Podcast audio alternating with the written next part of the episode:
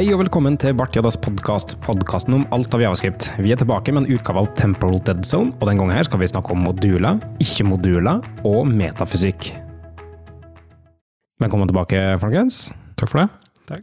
Eh, vi er samla hele panelet igjen, uh, og det er klart for en ny episode med Temporal Dead Zone. Vi har vært litt innom Temporal Dead Zone egentlig de siste episodene, men det er, en sånn, det er et nyhetsbrev som ligger ute på bartidas.io, eh, med tre artikler som vi nå skal snart gå gjennom. Eh, og før vi kommer så langt, så skal vi kanskje introdusere dem som sitter òg. Vi har eh, Marius, Hei. Christian med K, Hallo.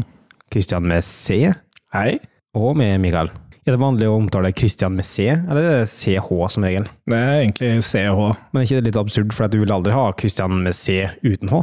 Jo, det tror jeg kanskje. Er ikke det mer Christian? Jo. Mm. Akkurat. Vi har eh, rundeepisode i dag, eller rundedag. Oh, ja. Ja, det her er Er vi- faktisk eh, episode 40. 40. Men Marius, Ja, om du husker tilbake, så, så nullindekserte vi. ja det gjorde vi altså. Så Teknisk. det er eh, episode 41. Så stor tro hadde vi på den første episoden at vi feiga ut og sa, kalte den episode null. Uh, jeg tror det var på en måte litt humor. Tror du det? Eh, ja, og den første het uh, Podcast Awakens. At, Det, eh, det var da vi var så kreative at vi oppkalte episodene våre etter filmreferanser. det var kreativt, det, Ja, det var ganske kreativt. men det tok, Det tok kjempemye energi. Hvor mange episoder ble det? Nei, jeg tror det ble seks episoder, eller sju, da. uh, hva var det? Husker du, Marius? Du hadde Danser med JS. Ja. Det var en episode om React Native. Ja, den der Det, det er en referanse far-referanse. Eh, 'Danser med ulver', en ja. film med Kevin Costner Ja, som den handler om indianere og Ja. Som er natives, da. Så, Ja. Ah, Ja da. ja. Der tok jeg den. Um, Det er så bra når vi må gå tilbake, eller nå da forklare våre egne referanser. Det Ja. er bra. um, JavaScript Destroyer, Mm. som eh, Konan eh, The Barbarian. Og Jeg husker ikke helt hva koblinga var. Ja, Vi hadde jo òg Bart Jodda som template, template of Angular. Template of Angler, den er jeg Ja. fornøyd med. altså, eh, for at det, det er ordspill på både Ja, jeg er ikke. Men altså, jeg innser at den høres for negativ ut mot Angler, da, for Doom med Angler.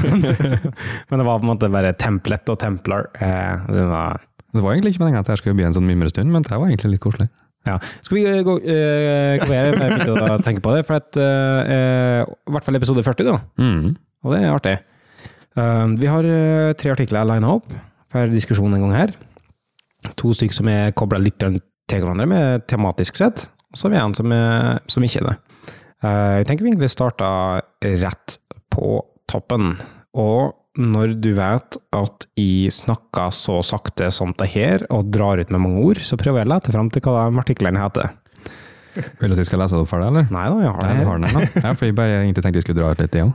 Ja, ja det satte på pris eh, på hjelpa. Eh, nå har jeg den oppe. Enabling modern javascript on NPM eh, er den første artikkelen. Skal vi gå gjennom alle, bør jeg si titlene på alle først, eller? Kan godt ta og gjøre det.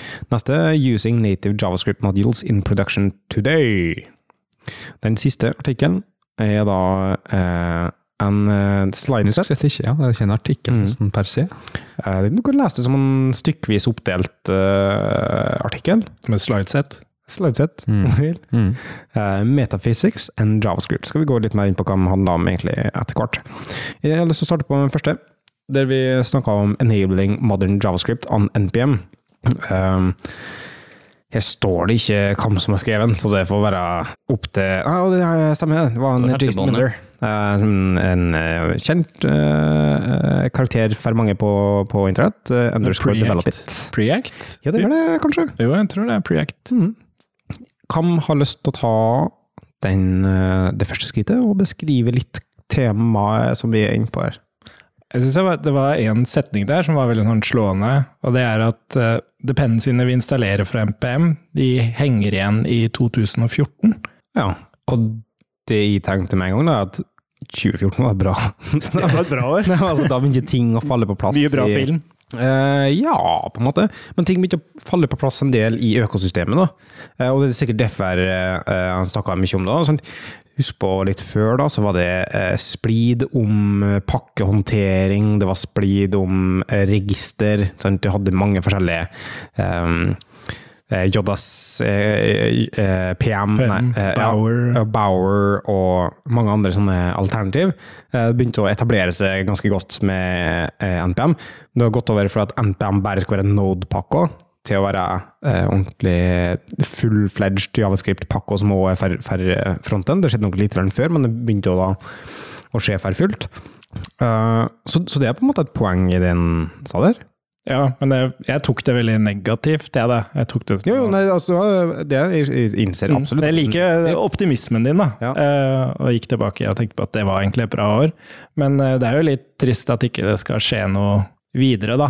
Som på en måte det indikerer den, det sitatet der, da. For hele problematikken sant, det er at vi fortsatt uh, transpilerer, bøndler og gir ut dist-filer via package registries. Det er problematikken som blir tatt opp. Det er et eh, eksempel fra en package.json-fil, um, som er sånn typisk for alle MPM-pakker. Og det er at du har en, en main-pakke, som er en common JS-versjon av biblioteket. Mm. Og så har du en module, som da er en ES5-modulversjon. Og så har du gjerne en sånn unpackage-referanse i package.json, Ja, der du har en sånn UMD, Universal Module-versjon. Ja. Det, det er jo for dem som er ordentlig hot og up to date, og som har alle tre, på en måte, men det er vel de aller færreste. De fleste går jo bare på det Command JS-formatet, egentlig. ja bare kjapt eh, Den module-greia, det må bli ikke, ikke ES5, men eh, statisk analyserbar import, eksport, eh, altså Ja. ES 2015 eller ES6, da. Ja. ES5 hadde ingen. Men, Nei, men det det står ES5, det.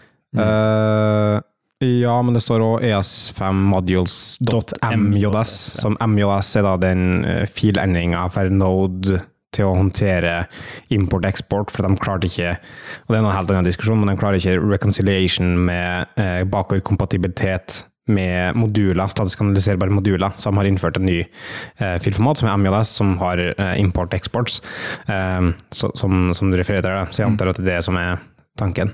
Mm. Um, og det, og det er interessant, på en måte, hvorfor driver vi og, og eksporter ting eh, som er utelukkende eh, bøndla ned og sånne ting. Um, og så ble jeg litt distrahert, for at jeg ser um, i adresselinja så ser jeg plutselig nettadressa hans, som er dritartig. Jasonformat.com. Jasonformat.com. Jason, altså Jason, altså navnet hans, Jason Miller. Jason Format. Var ikke det like artig? Jo, det var ganske artig. Um, ja, så nei, det skulle jeg ønske jeg heter Jason. Nå skal det Jason Stringify jeg trener Nei, jeg vet ikke. Nei, men litt av problemet her er jo at vi som sitter og utvikler kode, kanskje begynte å komme på et nivå der vi har lyst til å i hvert fall ta i bruk det aller nyeste. Har lyst til å bruke disse ES module format og kompilere koden vår uten å transpilere altfor masse og sånt, men hva er poenget med å, å bare, bare ha vår kode helt, helt ny og fersk, på en måte, når alt det vi drar inn av tredjeparts eh, dependencies er på gammelt format som kanskje ikke er like enkelt å tree-shake og, og sånt. da. Man har et eh, eksempel også med at eh, eh, det er NTT-ratio på lokal kode og eksterne avhengigheter. Så selv om du har tree-shaking og sånne ting på din lokal kode, så er det ingenting, det er insignificant, for at mesteparten av kodene du har er ekstern, som da, hvis de er bøndla, så får de i praksis ikke tree-shaka det uansett. Mm. Så det er, det er et godt poeng, det. Og jeg husker, men dette har vært en evig diskusjon i mange mange år, eh, og som- en refererte til 2014, når vi eh, ga ut um, eh, et, et rammeverk, altså vi, Ian og Jan, da. Så var det jo diskusjon liksom sånn, skulle det ut i i, eh, i eh, moderne, utranspilert versjon. Eh, Men i, og det er kanskje sånn liksom puristisk og nøktern, eller litt, litt konservativ tilnærmingsmåte, men i jeg mener at all kode på det tidspunktet burde fortsatt fungere i nettleseren as is, uten transpilering, og du kunne, måtte kunne dra det ned uten å måtte ha transpileringssteg. Men nå tror jeg den sannheten har endret seg en del, i form av at jeg kan ikke komme på noen som lager et nytt prosjekt nå, uten å ha en eller annen transpileringssteg. Da. Eh, I hjertet mitt så skulle jeg ønske at det ikke var sant, men i hvert fall, jeg har ikke møtt på et og annet enn dem som jeg lager sjøl, som er på en måte så scopa ned at de ikke er uh, de, er, de er liksom ikke De er, de er trivielle, da. Uh, så alle ikke-trivielle prosjekt har som regel noen bundler, og folk flest liker å eh, kunne bruke eksempel som de finner på nett, og da trenger du transpileringssteg. Jeg tenker det er to forskjellige ting også. En ting er hvordan du skal konsumere selve pakka, men også target i forhold til nettleser og sånn, da, med polyfills og sånne ting. Det også går jo inn i hele bundle- bundle-greia, men vi snakker jo mest om at man ikke har funnet, eller man har ikke landet på et sted med hvordan man skal konsumere disse modulene. Da. Så har man forskjellige variasjoner, og så kommer det nye etter hvert. Og, den, eh, og nå er det jo sånn at man til og med kan gå direkte i en script-tag i javascripten din eller HTML-en din, og dra inn en modul. Da. Er det det som er den der MJS-filene? ES5 modules? Uh, nei, det er bare at de er, de er utranspirert og upakka, som har import statements i seg.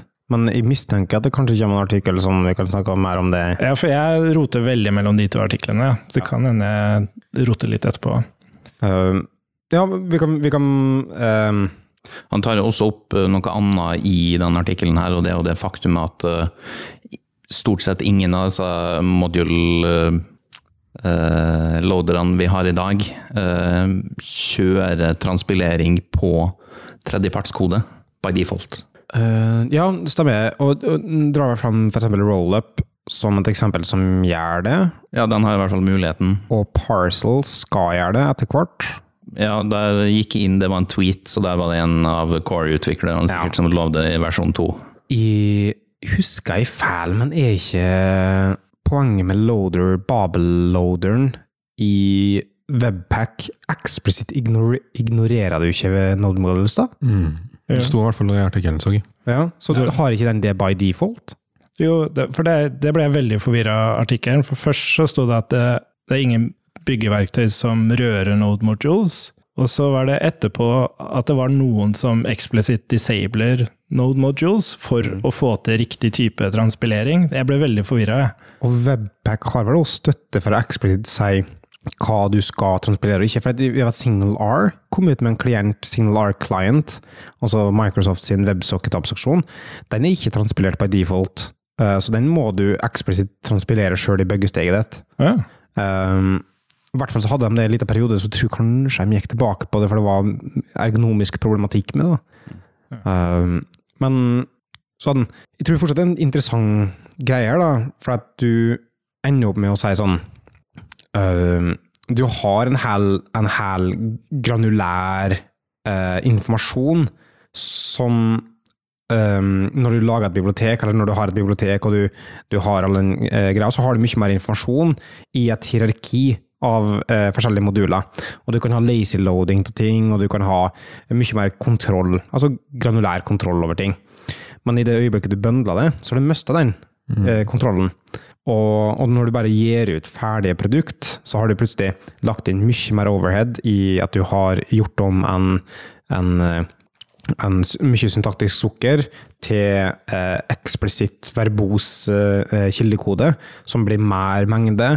Det blir eh, kanskje mm, eh, mindre performant, fordi at eh, nettlesere kan optimalisere for, for eh, applikasjoner på en enklere måte. Sant? De kan gjøre smarte ting i, i JIT-en, just in time compilation. Um, så det er et poeng å kunne gi det ut i moderne kode, da. Men sånn som økosystemet fungerer, og som er å bli problematisert i artikkelen, er at det er så dypt tre, og det er så mange filer, og det er så mange avhengigheter, at det er praktisk ikke gjennomførbart. For sjøl med si, HTTP2, så har det en begrensning på hvor mange kall du kan kjøre.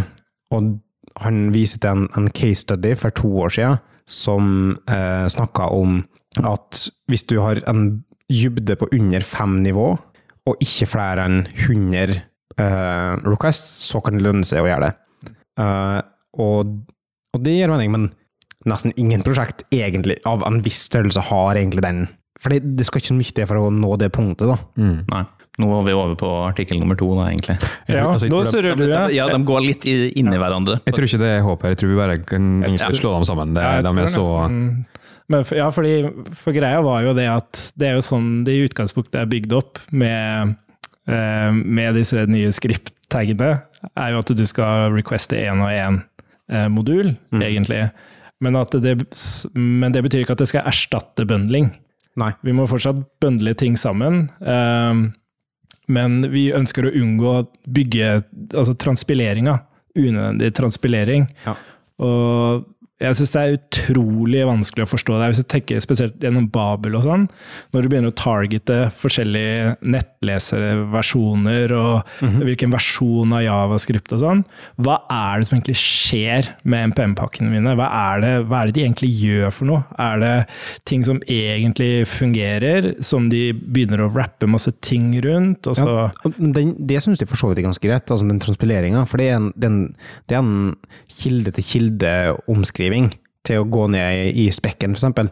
Det som jeg syns er verre, er polyfills. Altså eh, implementasjonsstøtte. For sånn, hva er det som blir inkludert der? Er det kjempemye ting som egentlig blir inkludert, som ikke er, eh, trenger å bli inkludert? Og så ofte så har du sånne, sånn, du har core Jodas, eh, eh, som Babel bruker til sin transpileringsgreie. Den har mange ting, men så har de en config-fil som sier at den liksom skal automatisk detektere hva slags polyfills du trenger. Um, og da blir det det laveste subsettet av behov du har, som betyr at du laster inn kjempemye eh, polyfill som du egentlig ikke trenger i, i, egentlig òg, da. Ofte. Det finnes vel noen sånne løsninger for å laste polyfills dynamisk i nettleseren runtime, på en måte òg? Ja, eh, og de gjør nå det, men ofte så er det vanskelig å eh, Altså eh, Abstraksjoner, eller sånn, den automatikken der, gjør at eh, Og kanskje det er en sånn følelse av kontroll da, som er kanskje problemet mer enn noe annet. Men merker at øh, jeg har ikke kontroll på hva slags polyfill funker, eller hva er som, som øh, vil bli dratt inn, og hva er som trengs til å dras inn, og, og sånne ting. Da. Men kan, kan vi ikke være fornøyd hvis vi har kontroll på, på den oppdaterte pakker, da, altså den som har de nyeste featurene som er laga for eh, Greenfield browsers, altså de nyeste browserne? Og så kan vi liksom bare la liksom Webpack eller noe som bare fikse alle disse andre som ikke har valgt å installere en ny browser. Men hva er den nyeste browseren? Altså, um, selv, selv, eh, og, det er et problem som har ute uh, prosjekt nå, eksempel. Eh, eller prosjekt som jeg har sett. Um, folk oppdaterer ikke evergreen browsers, på en måte. Som har ikke sånn som uh, Si Promise uh, Finally, og, og en, en ting som folk bruker som ikke har kommet i spekken ennå, som egentlig ikke noen nettlesere har, men ingen, andre nettlesere ikke har.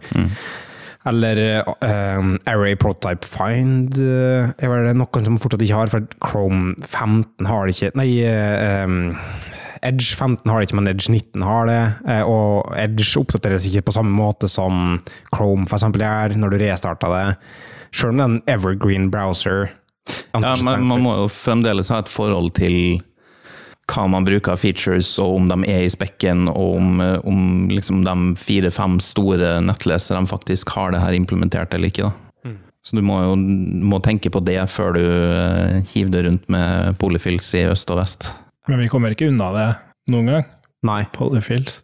Oh, men, men det er, noe, det er en interessant eh, ting det med polyfills, egentlig. For at uh, Når- Når alle går over til Chrome-motoren, så slipper vi Ja, det er en diskusjon. Men um, det, det med polyfills, for at det er det slik at du drar inn et, et, eh, en ekstern avhengighet, så forventer ikke at den eksterne avhengigheten um, håndterer sin egen polyfill. Det gjør du ikke. Gjør du det? Nei. Så der må vi nå ta en stilling til om de har gammel støtte. Ja, altså Egentlig så håper jeg at de ikke tar hensyn til det, for da ender du jo opp med at eh, hvis du drar inn ti tredjepartspakker som alle drar inn hver sin Men- polyfill, så driver de og bare Ja, for det var det jeg begynte å tenke på nå. òg. Det har vært snodig hvis de gjør det, men så tenker jeg jo at det er mange som faktisk gjør det. Ja, det, det skjer nok eh, veldig masse, ja. Det Var ikke TypeScript også som hadde sin polyfill til object design, eh, for eksempel, som dro inn på, på ting? Nei, det var uh, Jeg har snakka om det mange ganger før, men i, det som et sånt prima eksempel. De brukte polyfilm til re, eh, React, eller noe sånt der. Så React, De brukte en internal til React til Object Design, og så bytta de det, så krasja hele Ja, ok. Men det, det kan nok være fort tilfelle at du laster mye polyfills mm. inn, da. så det er samme problemet der. Ja, og så hvis du hvis du har to polyfills som på en måte har lyst til å aktivere seg begge to, og Mm. de, det er den samme polyfilen, eller en, to forskjellige polyfiler som egentlig polyfiler samme greia, hvis dere f Ja, ja. er med, ja. ja. så kan du få litt sånn undefined eh, behavior, da. Had, hadde det vært bedre hvis alle brukte Shims istedenfor polyfills? Og skal vi forklare forskjellen på det? Vet vi forskjellen på det? Du kan, du, Nå tror trodde jeg du visste det. du kan godt prøve å forklare det, i hvert fall. Tror du vet forskjellen på det? Ja, prøv, da. Uh, Polyfills uh, patcha på eh, eh, de originale objektene for å fungere på sånn som det skulle være inn, innebygd, mens Shimma kan require en oppførselen og bruke det på en annen måte. Mm. Tror det er det som er forskjellen. Det er ikke så invaderende. Ja, sant. Men for da kunne du ha uh, dedupe avhengigheten, tenker jeg. Mm. Men jeg likte den, for jeg testa den tjenesten du snakka om, Christian. Den, du bare putter en, en script-tag, eh, og så finner den automatisk ut ok, dette er akkurat den nettleseren, den trenger akkurat disse uh, polyfilene for å komme up to date. Da. Men så er spørsmålet, har du i din kode, bruker du noe av den funksjonaliteten som den polyfiller? Kanskje du får inn fem polyfills du ikke bruker, og sånn da. Mm. Ja, men der har noe sånn som Babel preset env. Den, den analyserer noe koden og finner ut hva du bruker, og bruker å transpilere akkurat Ja, koden. Sant? Så du burde kunne gjøre det med polyfills, og jeg tror det finnes med polyfills òg. Men jeg vet ikke. Nei. Uh, men hva gjør vi, da? For å uh, Hvis, vi, hvis uh, noen lager et bibliotek, hvordan går den fram for å best mulig tilrettelegge for å bruke det på en moderne måte? Ja, for Der har jeg lyst til å hoppe litt tilbake til det du sa i stad. for at eh, Innledningsvis så sa du at i hjertet ditt så skulle du ønske at eh, at alle som starta nye prosjekt nå, ikke transpilerte. Eh, Det var Ja, på en måte kanskje det jeg sa, men eh, Intensjonen hørtes på en annen, ut enn nå, da. da, da lurer jeg jo egentlig på, eh, skulle du helst ønske at alle satt og skrev eh, ES5, eller skulle du ønske at alle kom opp, alle, alle brukte en nettleser som var oppdatert? Ja, for da, eh, da gir det mulighet til å eh, eh, kommunisere intensjonen med den uttalelsen bedre. Ja. For at egentlig, inni meg, så kunne jeg Altså, jeg hadde vært lykkelig om folk verken skriver ES5. altså, jeg synes det funker akkurat like. Ja, det er et par snarveier som jeg bruker mye, som gjør at det er enklere å skrive, men poenget er at du får til å uttrykke akkurat det samme, eh, og da slipper du all den problematikken her. eh, Og så var det vel litt sånn spørsmål hvem er det som egentlig har ansvaret for det her? Altså Hvis alle som laga en MPM-pakke, skrev vanlig javascript-kode, og så var det opp til konsumentene å, å utføre den transpileringa som de har behov for, da. Og ikke ha all denne kompleksiteten på hver eneste biblioteksutvikler, da. mm. Um, Det hadde egentlig vært eh, det beste. Og så må vi sånn, Det er vel det han, artikkelforfatteren egentlig også prøver å få frem, at det burde ha vært sånn, men pga. tid og historie, så har det bare blitt sånn som det har blitt. Da. mm. Men det her er egentlig noe som um, Webpack og roll-up og alle sånne ting egentlig burde eh, fikse. Da. Men samtidig, hvis du har et stort prosjekt, og folk som er glad i å bruke avhengigheter Ikke alle er på en måte kritiske til å dra inn Jeg avhengigheter. er avhengig av å bruke avhengigheter. Eh, ja, det var en fin vits. Hadde, en hadde, hadde, hadde vi nå, så hadde vi lagt inn en trommelyd, men det skjer. Eh, men da kommer det avhengighetstreet til å bli så stort, og det å drive transpilere det, det kommer til å ta mye tid igjen. Husker, husker jo hva vi satt og venta, i hvert fall liksom i TypeScript-verdenen, satt i ett minutt hver gang du gjorde en endring, på en måte, for å kompilere hele greia.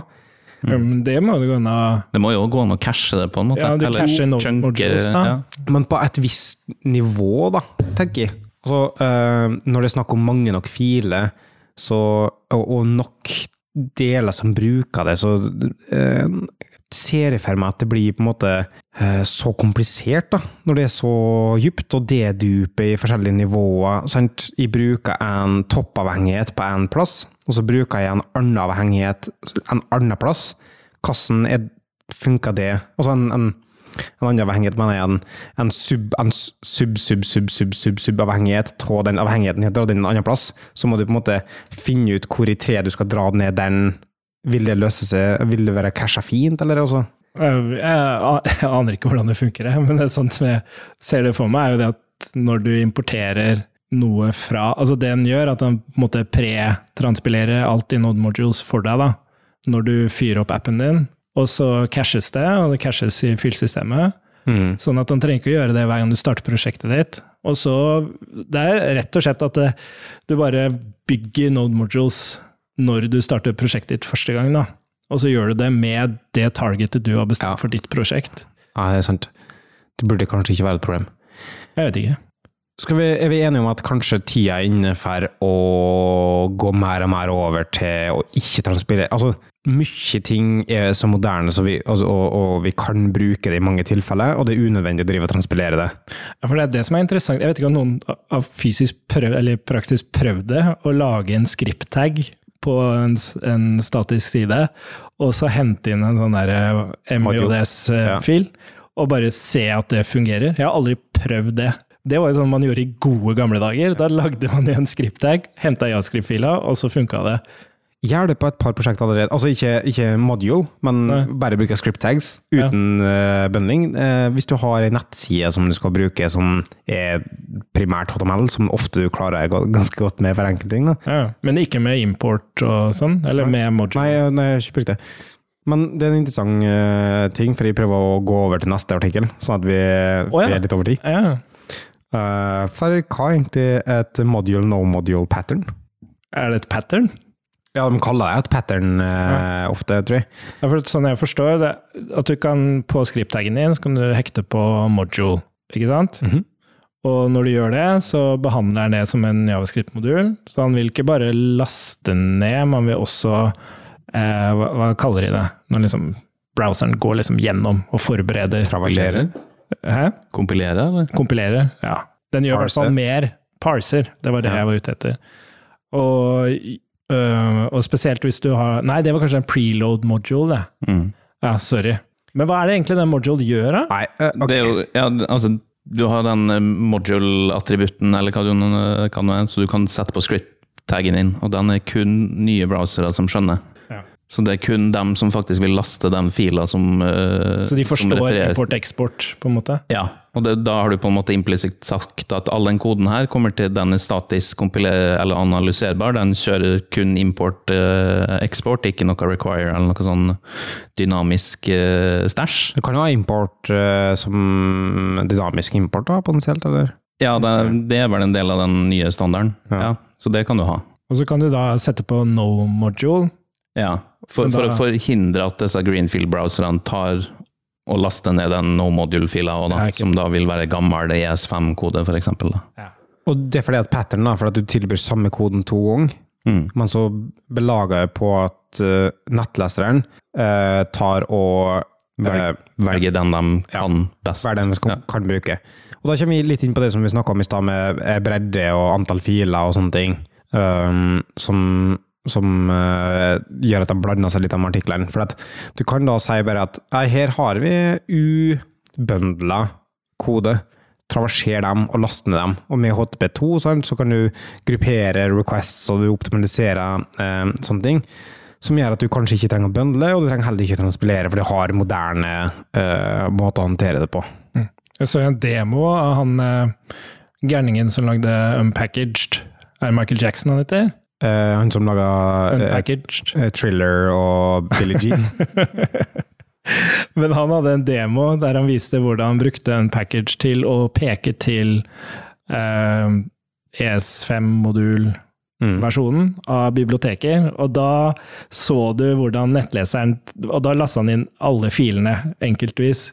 Og han viste hvordan han lasta inn D3 ved hjelp av Han brukte vel da scripttag og module. Mm. Så pekte den til en package, og så bare spant gjennom en haug med requester for å få ned alle de filene. Og, og da var det også var rundt det her, liksom, hva verden framover, og selvfølgelig, det kan ikke fungere akkurat sånn her, men det er vel det det liksom kommer inn på her, at ok, det vil ikke fungere med alle disse dependensene vi har, og gjøre det sånn som teknologien legger det opp til, så vi trenger fortsatt bundling. Mm. Og det var jo konklusjonen til den som skrev artikkelen, som er artikkelen da, 'Using native JavaScript modules in production today', som vi snakka om nå, eh, som var forslaget at eh, for to år siden så skrev jeg en artikkel som handla om at eh, Nei, Uh, ok, de blande tilbake det? Nei, jeg skrev at uh, bøndling er fortsatt nødvendig, var konklusjonen. Mm. Uh, og så en, en, revisjon til den, um, den her, som sier sånn, sånn Ja, det er på en måte fortsatt nødvendig, men det ene ekskluderer ikke det andre. Du kan bruke en kombinasjon av begge. Mm. Og da er forslaget å gå gjennom og sjekke alle node modules og ta pakkenivå og bøndle dem. Mm. Uh, og så bruke dem lazily via module pattern, men også ha i tillegg den uh, bøndla versjonen som kan i en node module ved um, script tag. Da. Mm. Mm. da får du på en måte det beste av begge verdenene, da. Men når jeg tenker meg om nå, gjør du egentlig det? For da får du fortsatt ikke treeshaka, eller? Nei, du får ikke treeshaka så lenge det er common JS-kode.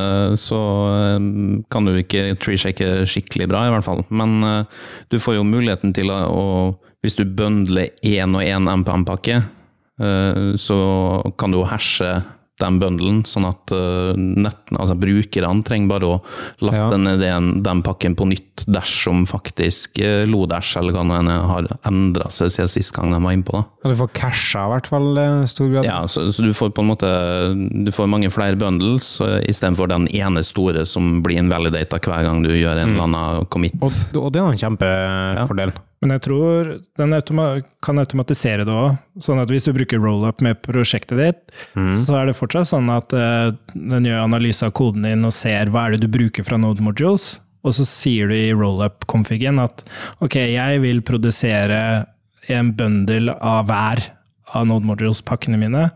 Men jeg regner med at den tar en analyse av uh, applikasjonskoden din først, og tree-shaker og faktisk lager en bøndel ut av hver MPM-pakke basert på hva du bruker i koden din. Da. Ja, det vil den sannsynligvis gjøre. Tror jeg. Kanskje. Sikkert. Folk men om, om dem på, hvis du har tatt importstjerne fra Eller ikke importstjerne, da, men eh, hvis du har tatt ut enkelte deler fra Lodash, så kan det hende han drar ned hele Lodash for det. Ja, ja. Fordi på grunn av Common JS og Ja, sånn, ja. ja.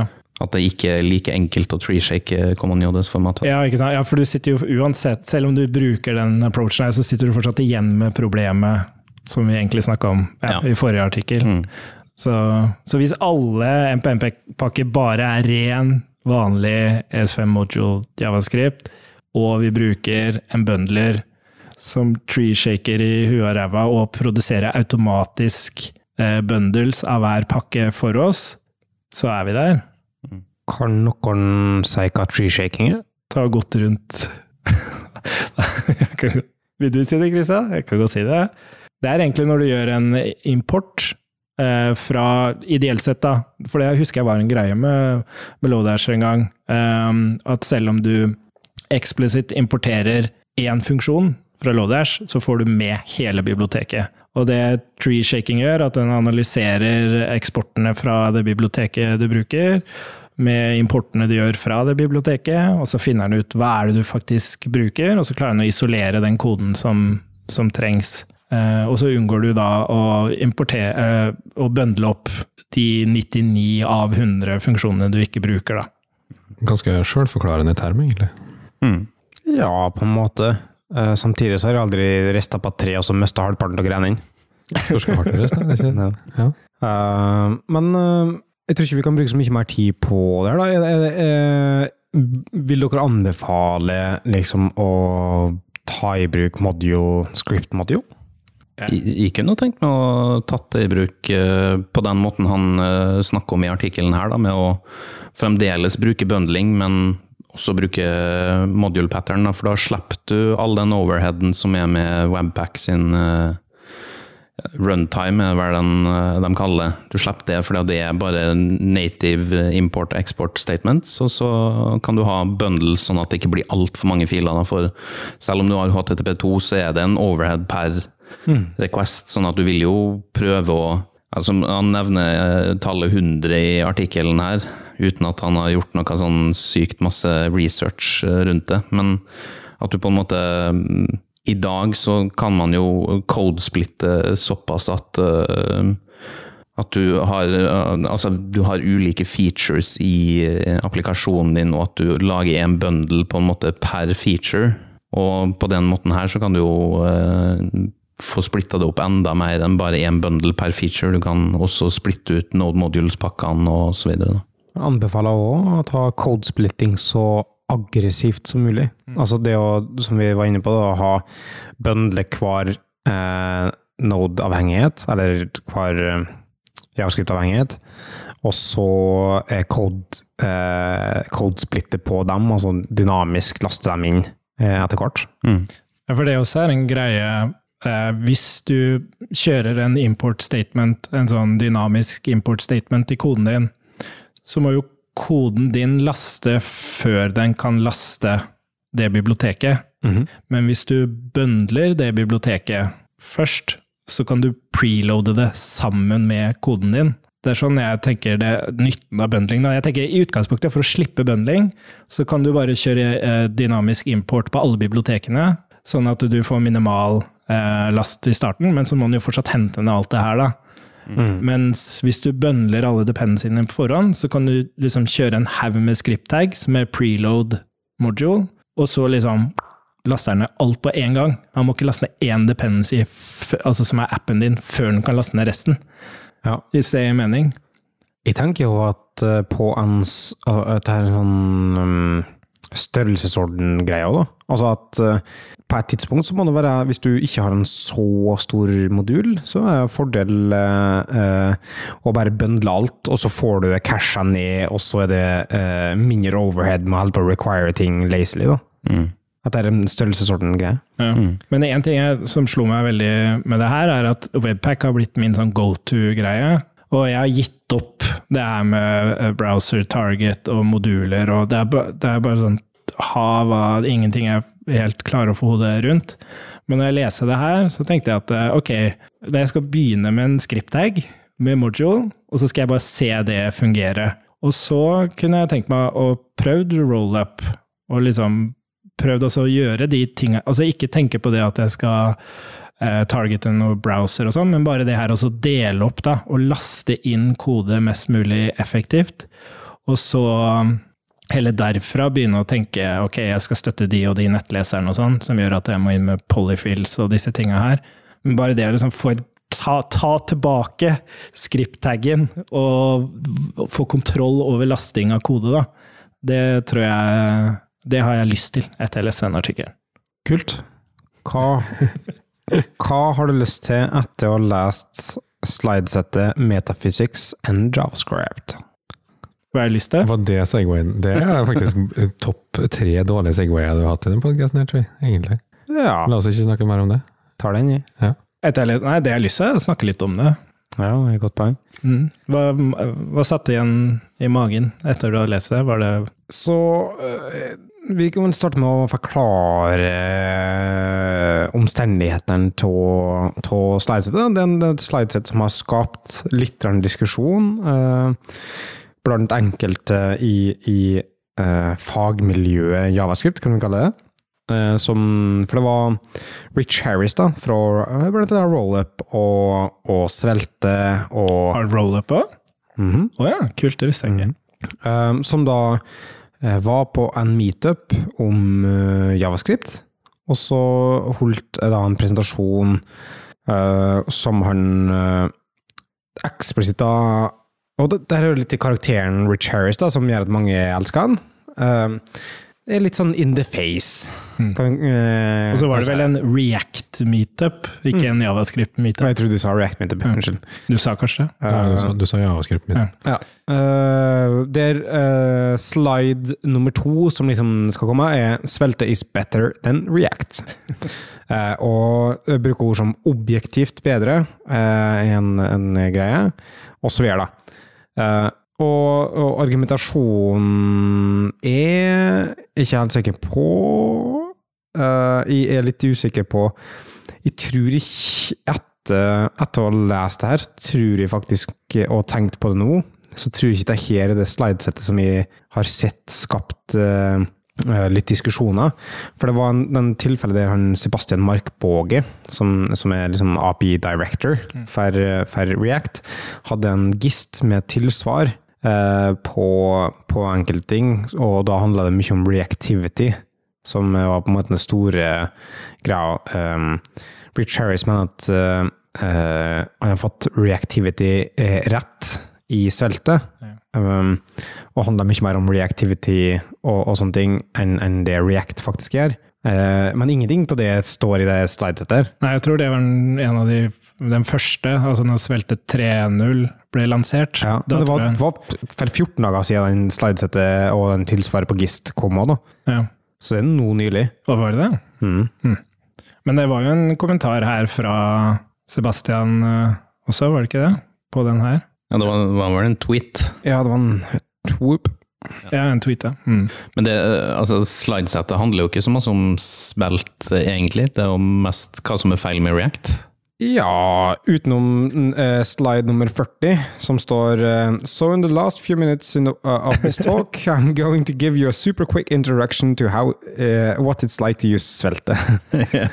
Som er på en måte det krever en viss form for pompøsitet og på en måte eh, til det, er på, på en positiv måte. Jo, det å kunne liksom gå et sted For det er jo veldig sånn avgrensa, det her rammeverket, og man på en måte besøker ikke hverandre. Og hvorfor er det ikke mer eh, presentasjoner litt på tvers, da? I noen konferanser der det er sånn, men det er jo ja, Det er kanskje fordi jeg bruker React, da, selvfølgelig at det er rundt React hele tida. Jeg skulle ønske jeg ble mer eksponert for andre. Da blir forst, eh, føler fort tatt i et ekkokammer rundt det. ja, det blir, det. Um, så, så det er interessant, og det er interessant å lese andre sine meninger om ting. Og det er interessant å se på, på andre eh, måter.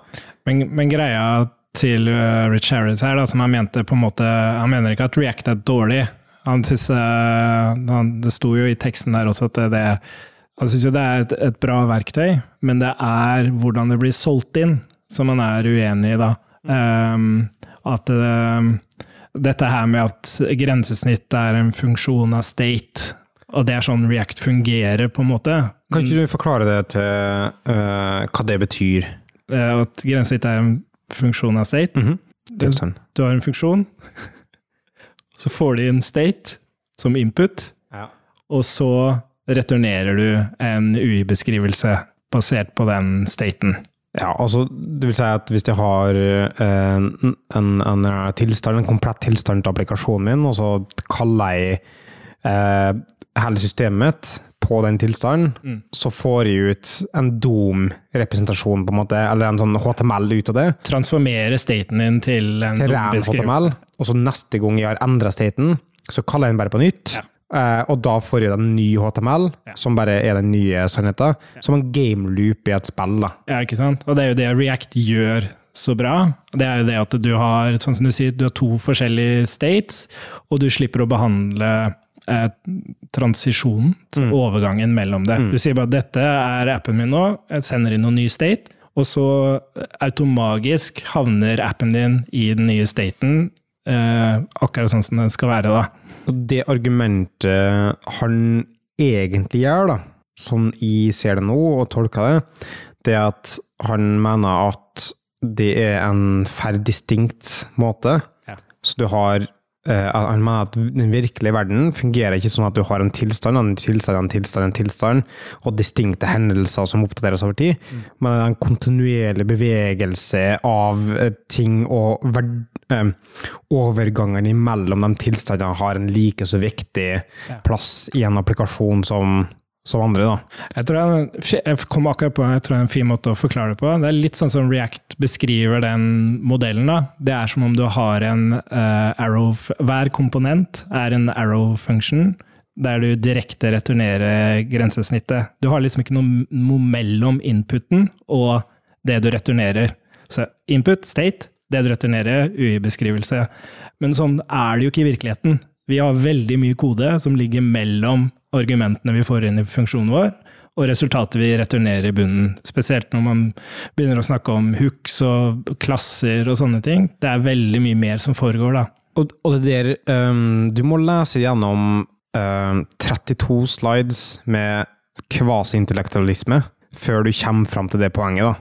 Uh, og, og det, for det, det, det virker som en skal prøve å ha en historie og virke eh, superintelligent, men egentlig så framstår det som en sånn eh, påtatt eh, Ja, ja. elitisme. Ja. For at eh, eh, drar fram eh, filosofer og Plato og noe som inspirerte Plato, og drar analogier til deres eh, fellesis og tankeeksperiment for å prøve å underbygge hvorfor svelte objektivt sett er bedre enn React. Ja. Og det, det, det gir en sånn eh, ekstremt eh, unødvendig bismak Ja. eh, i munnen. Jeg ser den, men jeg tror det han prøvde å få fram der, er mentaliteten av hypen rundt React. At det, den beskrivelsen React er, er det vi vil React skal være, men det React ikke er. Eh, det var sånn jeg tolka det, da. Og, men det som er interessant, da, er sånn, eh, mye av det en skriver på slutten, de siste ti slidesa, som handler om måte, eh, abstraksjon som er hooks, og forenklinger som, som det er, om tvangsovergang til å liksom snakke om ting som renhet i funksjoner for å prøve å eh, altså, Du har omforma React til å kunne snakke i de termene. Den kritikken er jeg på en måte enig i. Eh, al- altså, det gjør at modellen, tankemodellen blir litt brutt, men eh, ikke av den samme argumentasjonsrekka som han kommer med her, da, på et vis. Eh, og så syns de at vi blir for uh, opphengt i å snakke om løsninger og ikke problem. Um, for mye av kritikken kommer med uh, fra et standpunkt der du ser på en løsning ut ifra hva slags problem du har, hva slags problem Rich Harris har med sine type applikasjoner som han lager, og så ser han på uh, ting som React eller andre uh, rammeverk, eh, kassen det vil løse sitt problem. Og så funka det ikke det så bra, eh, og derfor er løsninga automatisk dårlig. Jeg har brukt en del tid på å eh, eh, lage ting i svelte for tida, og uh, syns det er interessant teknologi. Men jeg syns det er interessant teknologi på problem som er annet enn det jeg ville brukt, brukt f.eks. React eller Vue til. Ja. Eh, det er helt annet uh, faller meg ikke naturlig nå, sånn som jeg klarer, og det kan hende de misser et eller annet med sveltet som, som gjør at uh, den brikke faller på plass. da. Men sveltet ser ut som det gjør det å lage store eh, modernisert HTML, på en måte. Det å lage nettsider som er for det meste statisk, eh, og eller, å, og abstrahere det til en, til en god måte å lage moderne applikasjoner med mye content, altså mer sånn content-driven innhold, eller content-driven applikasjon eh, på. Igjen, altså, jeg har vanskelig for å forklare. Jo, Jeg eh, kommer fra New York Times eh, Ja. med den erfaringa, så det er jo litt sånn Man kanskje tenker Men hvor, hvor er det du tenker at eh, Hvor er det svelte stopper og React starter? Det er kanskje et vanskelig spørsmål, men Ja, nei, altså hvis du har mye innhold som du har lyst til å generere opp eh, på eh, en, en mer statisk måte, eh, med ikke eh, ikke små komponerbare ting som bygges en stor applikasjon, så tror jeg Svelte er en interessant greie. Men du, hvis du bruker weben som en distribusjonsmekanisme for rike applikasjoner, så føles det ikke ut som det er den samme greia. Og så synes jeg det er interessant at han snakker om transisjoner, for jeg får ikke automatisk inntrykk av hvordan Svelte er god på transisjoner mellom store applikasjonsendringer. Det med å bytte mellom store um, Si at du har en, en ordentlig stor applikasjon som har eh, der hele vinduet blir bytta ut dynamisk. Um, så du uh, får inn en, en et bilde blir zooma inn og overtar et annet bilde som igjen blir zooma ut, og så kommer tekster eh, så sånn, eh, sånn som du typisk ser i en native app, da, for eksempel. Eh, jeg klarer i hvert fall ikke nå å se hvordan det vil være i sveltet. Og det er det også som er utfordringa til React. Men i React så er det mer en programmeringstilnærming til å lage ting, mens svelte er en mer markup-tilnærming for å lage ting. Og så er det vel hvordan Det er vel derfor han snakker om reactive-biten også. Jeg har jo ikke prøvd Svelte, men jeg har inntrykk av at Svelte har en vanvittig mye bedre modell på håndtering av animasjoner og øh, øh, Altså, ikke overganger i, i forhold til state, men overganger i forhold til øh, det grensesnittet, da. Eh, grafikken, holdt jeg på å si. Altså animasjoner og CSS-endringer og sånne type transisjoner. For der er jo React sin historie helt håpløs eh, sammenligna. Og jeg tror det han prøver å få fram, er ok, men det er modellen til React som gjør disse tinga så vanskelig. Det er derfor det ikke er noen god løsning på disse tinga i React. Mens i Svelte så er det bare Det bare funker.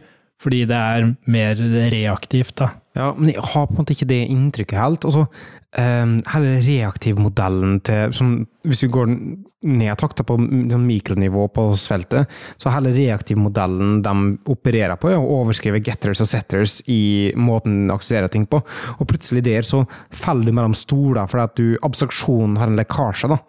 Sånn, um, hvis du endrer en array i sveltet, så må du, etter du har endret den, assign den til seg sjøl. For eksempel my Ja. array er lik my array, Mm. fordi at getteren må trigges. Ja. Sånn push-ting Ja. vil ikke endres. Du må manuelt hjelpe rammeverket, på Ja, en måte. og, og da, det er en abstraksjonslekkasje, så det synger etter. Ja, god poeng. Jeg har ikke interesse til å vite det, til å eh, ville håndtere det i det hele tatt. Mm.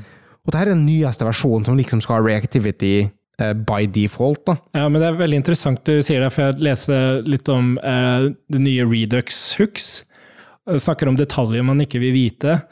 Der har du jo også samme type ting, men det er jo relatert til altså, rene framgangsmåter, immu- immutabilitet og sånn. Der du har det som heter use selector, som er for å hente ut den staten du vil bruke i komponenten din. Og by default så vil den staten du henter ut, den verdien, den vil da sammenlignes med neste verdi. Har den endra seg? Men ofte så vil du hente ut flere verdier. Så du returnerer et objekt med forskjellige state-verdier, men da må du endre hvordan denne use selector gjør sin sammenligning. Da må du inn med et nytt argument som sier 'jeg vil ha en shallow equal comparison'. samme problemet har det med use effect i React i utgangspunktet. Mm. For den har en reference check for å sjekke om de, de har endra objektene sine. Mm. Som betyr at du må vite om hva slags implementasjon det er i utgangspunktet. Mm. Og, og jeg sliter fortsatt med Hooks-API. Altså Generelt, den endringa i bruksmønsteret den appellerer ikke til meg, og måten jeg har en uh, um, uh, intern representasjon i hodet mitt over hvordan jeg tenker grensen bør funke. Altså, jeg, jeg, jeg liker HTML og, og, og programmere HTML på en god måte, og det er på en måte React bestandig har gjort på en uh, grei vis. da. Og den her, med, med hooks og sånne ting, er foreløpig for min del virker ikke som det beste grepet. Og så er det folk som sier ja, det vokser på det, og så videre, så får vi se, da. Men jeg er notorisk treg på at la, la ting vokse på meg. jeg vet ikke hva det betyr. Men um, uh, Og det å gjøre at de blir litt sånn litt skeptiske i utgangspunktet, for at Og det jeg leser på det her, da, det er litt sånn divergerende fra min personlighet, i form av at du framhever aldri eh, positivitet med din ting med å rakke ned på andre sin ting.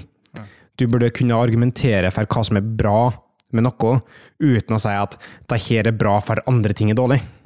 Eh, og det er der på en måte her er greia. da. Han sier sånn, han starta hele konseptet med 'svelte is better than React'. Ingenting om svelte, bare hva som er dårlig med React. Ja. Så hadde det vært på en måte eh, Uh, React Hooks uh, uh, et skritt tilbake. It's a step back backwards, som det ville vært på engelsk, da, for jeg, tror ikke Rich Harris kan norsk. Uh, så har jeg på en måte eh, tenkt Er det et godt poeng her? Mm. Men uh, hele uh, poenget hans kommer ikke fram i det hele tatt, og det gir, gir meg en bismak. Da. Ja, men jeg så eh, Det lå en tweet der fra han Yehuda Katz fra Ember. Og det syns jeg var veldig passende, for det, det er litt det som gjør at jeg blir engasjert av den presentasjonen. Da. Eh, Og han skriver da eh, at grunnen til at React ble så populært, er fordi at det var morsomt og veldig produktivt. Litt sånn som du er inne på det. Du kan med kraften av Javascript uttrykke HTML. Det, for meg så var det liksom greia med React. da. Enig. Uh, uh, og det som på en måte mange føler, inkludert meg, og det tror du også sier litt nå, at eh, du mister eh, litt av den produktiviteten og den uh, morsomheten, holdt jeg på å si, fordi at de pusher veldig dette renhetsprinsippet, da. Dette u, is a function of state og Ikke nødvendigvis det. Jeg mener at de tar et skritt tilbake fra renhet. i da. Ja, sånn, ja. Jeg mener at de eh, maskerer renhet med å omdefinere hva ren betyr, på, en måte. Eller ja. eh, tilpasse noe i renhet som egentlig ikke burde være renhet. Eh, og eh, igjen, jeg, jeg, jeg vil fortsatt eh, slå et slag for å løfte tilstandsendringa vekk fra en, en, det som nå i React er en mer reaktiv måte, der du f.eks.